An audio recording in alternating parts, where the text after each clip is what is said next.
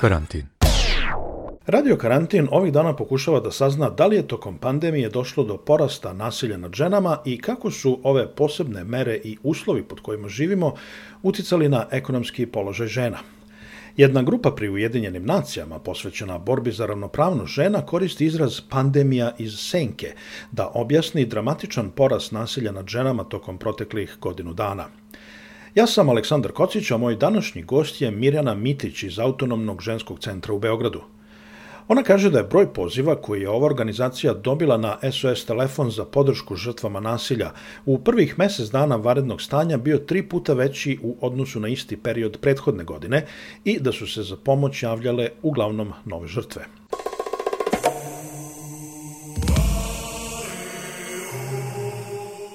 Ja sam skoro video da ste vi objavili neko istraživanje e, u kojem između ostalog stoji da je protekle godine u Srbiji ubijeno najmanje 26 žena u partnersko-porodičnom nasilju, a u prethodnih 10 godina 320 ali kažete da je teško utvrditi tačan broj žrtava jer zvanična statistika ne postoji. To je da, mi sve informacije koje imamo, konkretno se koleginica moja bavi femicidom, to je ubistvo žena, ovaj, samo zato što su žene. Um, koleginica aktivno uh, svake godine uh, samo uzima podatke koje dobijemo iz medija, što, kako da kažem, nije zvanični podatak, jer uh, ne mora da znači da je sve završilo u mediji i ne mora da znači da je sve prepoznato kao femicid kroz medije.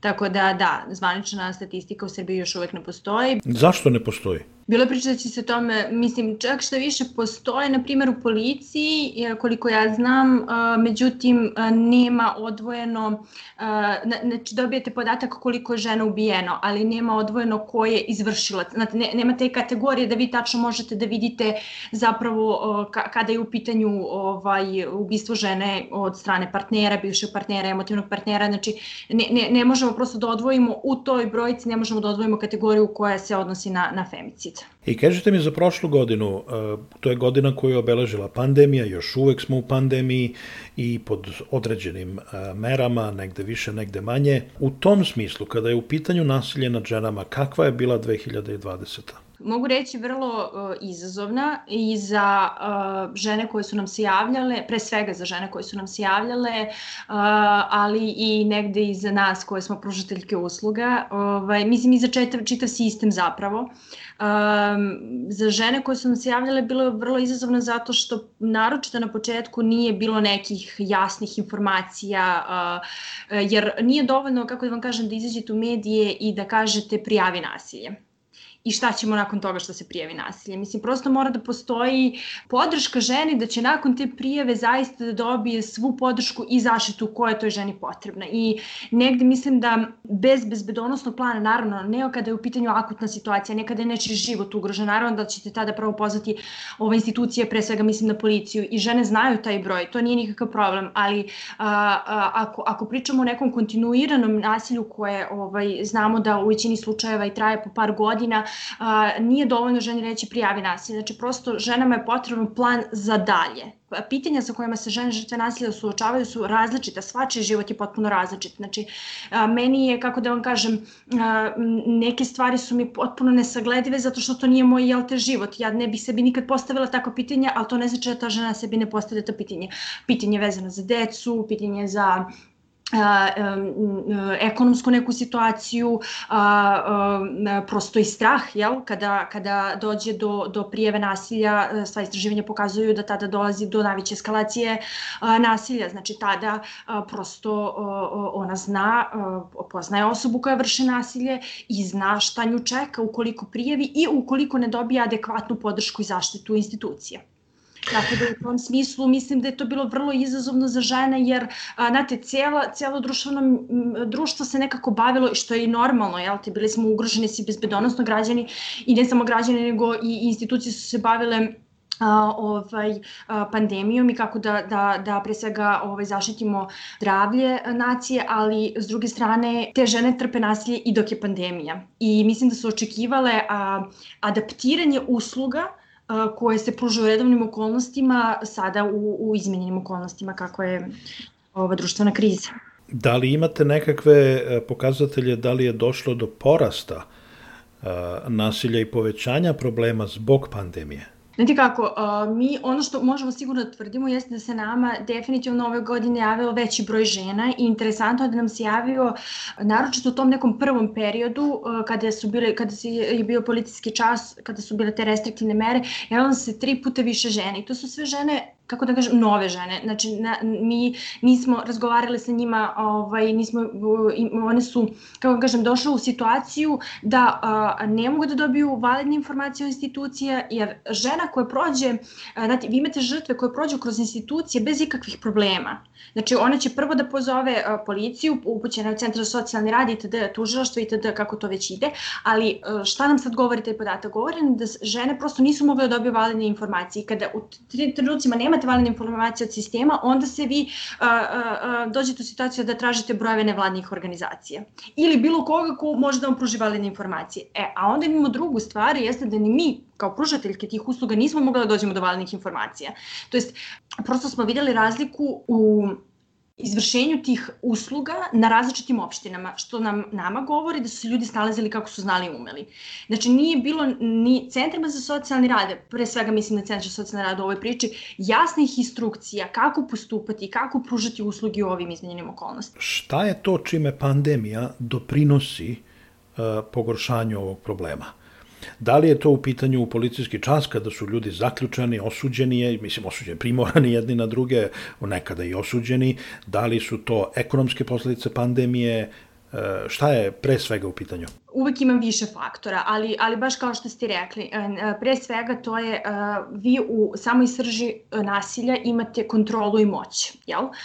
Kada, kada, je, kada su bile restriktivne mere i kada ljudi nisu ni išli na posao, što znači da nisu ni nasilnici išli na posao, vi imate takvu skrojenu situaciju gde je kontrola nad žrtvom pojačana Znači, ta, pre je bilo, bar je u tih 8 sati dok je nasilnik na poslu, a, a, slobodno u smislu da može da pozove SS telefon prijateljicu, da s nekim popriča, da napravi možda neki plan kako će za dalje. Sada je to bilo nekako mnogo ograničenije za, za, za žrtve a, nasilja i u tom smislu mislim da je bilo olakšano vršiti jel te, i izolaciju i kontrolu i naravno a, ekonomski ovaj, faktor koji ste i sami spomenuli, a to je, na primer, da su nam se mnoge žene javljale jer a, vrti vrtiće škole nisu radile, one su bile po nekim ugovorima koji nisu bile produženi, neko je mora da brine o toj deci, tako da ovaj, uh, uh, imamo osjećaj da je veliki broj žena opet vraćen u uh, privatnu sferu mislim, u, u sferu kuće gde nema, nema svojih prihoda, što znači da je opet, da se vratimo na početak, kontrola, izolacija, a, nekako lakše vršiti tu, te, te mehanizme. I kada kažete nasilje nad ženama, osim konkretnog fizičkog uh, nasilja, šta to još podrazumeva? mi negde, ako da kažem, ako možemo da pričamo o nekoj uh, podeli, uh, uvek pričamo o podeli na fizičko, psihološko, seksualno i ekonomsko nasilje, međutim, ti oblici se vrlo često preklapaju, nekada u nekim trenucima ovaj, deluje da ne, ne možete da napravite tačno, kako da kažem, jasnu crtu da li je ta žena samo ovaj, žrtva ekonomskog nasilja ili samo seksualnog. Smatramo da svaki od tih vidova koji sam nabrojala prati psihološko nasilje, ali upravo ste, znači nije samo nasilje fizičko nasilje i mi često apelujemo i na medije da vode računa jer ćete vi u medijima često videti slike žena koje su raskrvavljene, koje, ne znam, koje su, kako da kažem, e, u, u čim situacijama je već došlo do eskalacije do fizičkog nasilja. A mi zapravo imamo veliki deo nasilja koje se često ne prepoznaje, a to je psihološko nasilje, gde imate, vi imate razne mehanizme koje vas a, prosto stavljaju taj koš da vi, ne, da vi a, žrtvama opadne samopouzdanje, samopoštovanje, da mislite da nema izlaska iz situacije i tek onda dolazi do fizičkog nasilja. A to su razne tehnike, znači pored izolacije to je, ne znam, manipulacija, emotivna manipulacija, ucenjivanje, omalovažavanje, vređanje, znači, znate, svakodnevno, ako vi svakodnevno slušate da ste glupa, da ne znate, nesposobni ste, ne znate da brinete o deci itd. itd. Mislim, neko će, mislim, ako svakodnevno to slušate, posle par meseci ćete vi stvarno pomisliti da, da ovaj, ni ne možete bez te osobe, jel? Tako da to sve dosta umanjuje mogućnost da žena zapravo izađe iz tog kruga, mi to zovemo krug nasilja. Jer redko koji zna, mislim, nije redko koji zna, ali kada pričamo u teoriji, to nasilje ima tri faze. Prva faza jeste da to omalovažavanje, sputavanje, um, ograničenja, a to sve, na primjer, u početku prekriveno brigom. Znate, ljub, e, ljubomora i briga se često mešaju u našem društvu i još uvek nismo ovaj, sigurne koliko ljudi može da prepozna šta je briga, šta je ljubomora. A ljub, ljubomora je, jel te, jedan od kako da kažem, stavke koje, ovaj, mehanizama koje ovaj, utiču na to da do, dođe u nekom trenutku do nasilja. I to je prva faza. Druga faza je najčešće kada dođe do eskalacije, kada žena, ženi postane prosto jasno da je to nasilje, jel, prepoznaje ga kao takvo i onda um, neke se žene odluče da odu, neke već promišljaju o tome da izađu, ali onda imamo tu jednu treću fazu koja je vrlo specifična, a, nekada se zvalo u teoriji faza medenog meseca, a, gde a, jel te nasilnik pokušava da vrati ženu u taj odnos i onda je divan, bajan, sjajan, kaje se neće više nikada, to je tad učinio itd. itd. Ali uh, i to ženu jel te zato zbog dece, zbog um, želje da će osoba Uh, kako da vam kažem, uh, zašto je nasilje u porodici toliko specifično? Zato što nije isto kao da kad vas prebije neko na ulici, a vi njega ne poznajete. Vi s tom osobom, de, osobom delite i neke lepe stvari, on je u mnogim situacijama bio vama i podrška. Zato imamo statistiku da se žene pre nego što konačno izađu iz nasilja vraćaju od 7 do 9 puta dok definitivno ne donesu odluku da je to to da, da, da je to da se, da se nalaze u krugu, jel?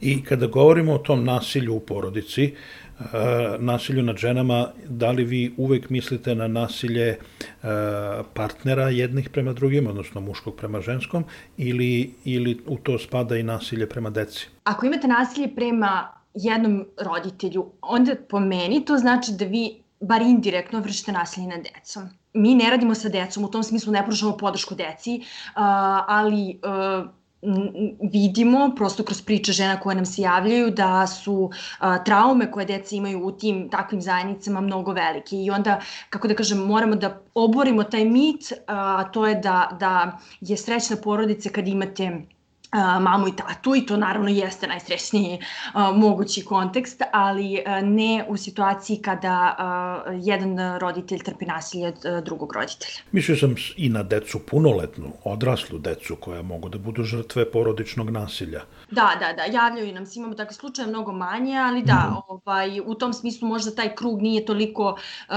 kako se da kažem, primenjiv u tim situacijama, ali definitivno uh, jeste u smislu kontrole i izolacije.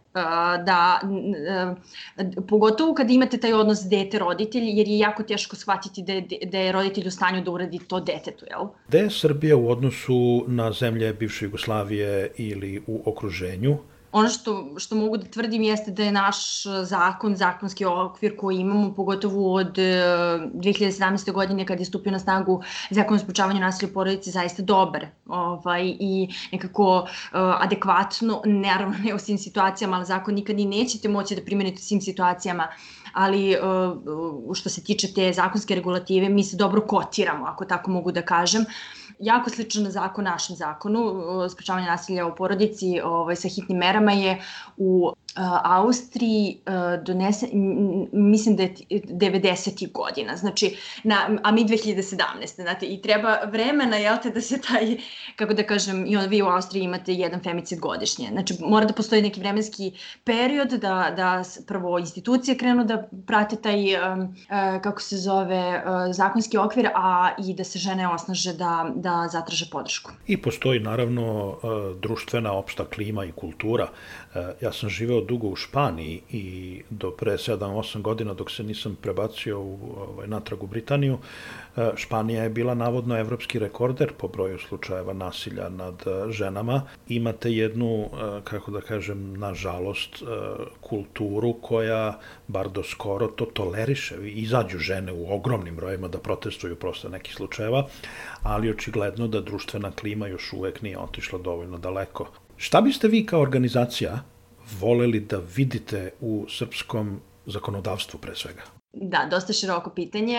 Um, u smislu da ne znam odakle bi krenula, ali svakako da ukoliko dođe do, do prijave nasilje, da se institucije koordinisano udruže i reaguju svako sa svojim uslugama koje pruža, onako bez predrasuda, mislim da je to velika stvar za naše društvo, kada bismo svi mogli da ovaj, delamo i da vršimo po zakonskim okvirima bez predrasuda, da bi to slika bila potpuno drugačija nego što, što zapravo sada jeste. Tako da možda to kao da, da, da pokušamo da svi ovaj, primenjujemo zakone koje na papiru već imamo. Jer pitam vas to zato što, eh, evo ja sam u Škotskoj, ovde je pre par pre par godina donet zakon, zakon da je onaj sexting i ucenjivanje uh, uglavnom devojaka sa ovim uh, privatnim snimcima koji se dele preko telefona i tako dalje, to je sada kažnjivo sa do pet godina zatvora.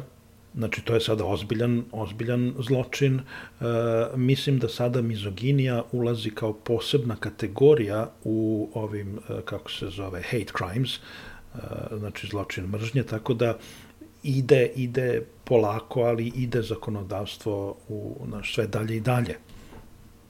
Znate šta je to sad to, e, mislim, meni je to, na primjer, zaista sjajno, ali ja čak ne mogu da zamislim da je to bliska budućnost Srbije. I mislim da je to veliki problem. Jer standarde koje, evo, vi ste me pitali, mislim da je to dobro pitanje, standarde koje, na primjer, e, mi imamo ovde, koje se bavimo tom temom, jeste, hajde samo da prvi korak bude da poštujemo zakone, ajde da nemamo predrasude, ajde da verujemo žrtvi. Mislim, to je priča koju e, ne samo feminiskinje, ali, ali pre svega feminiskinje govore, ja ne znam, decenijama unazad. Ajde da krenemo od toga da se veruje žrtvi. I plašim se da, e, kako da kažem, da da je to problem jer su naši standardi mnogo uh, smanjeni, što je negde i očekivano, znate. Mislim, ja, ja bih bila presrećna kada bih mogla da vama kažem uh, da je za mene vrlo očigledno da će se to desiti u Srbiji ovaj, za par godina, ali nisam sigurna. Da li mislite da ovakvi slučajevi kao što je, evo sad imamo poznatog glumca koji se brani od optužbi da je silovao koleginicu, pa imamo ovog Aleksića, da li mislite da takvi slučajevi doprinose ono podizanju svesti, razumevanja i pomeraju stvari u napredu neku ruku? Sigurno da pomeraju, zato što vi kod uh, naročito silovanja, ali i kod ostalih oblika nasilja, imate ogromnu kako da kažem, ona, to je i dalje tabu tema. O tome se i dalje ne priča.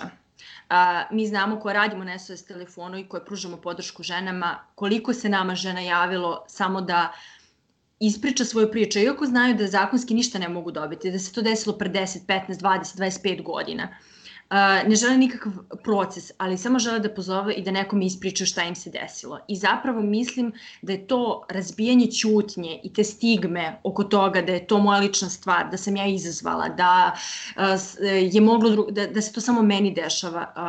Ovim javnim istupanjem, pogotovo poznatih ličnosti,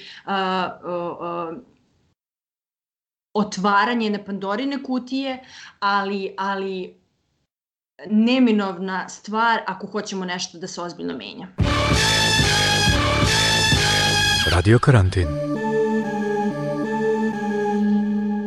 Mirjana Mitić iz Autonomnog ženskog centra. O ekonomskim posledicama pandemije po žene za radio karantinu u ponedeljak 19. aprila govori profesorka Filozofskog fakulteta u Beogradu Marija Babović – Hvala vam što slušate podcast Radio Karantin. Ovo je neprofitni projekat koji postoji zahvaljujući vašim donacijama. Podržite nas i postanite redovni pokrovitelj Radio Karantina preko platforme Patreon ili jednokratnom uplatom preko Paypala. Na našem sajtu radiokarantin.eu naći ćete informacije o tome kako možete da nam pomognete uplatom iz bilo kog dela sveta. Veliki pozdrav!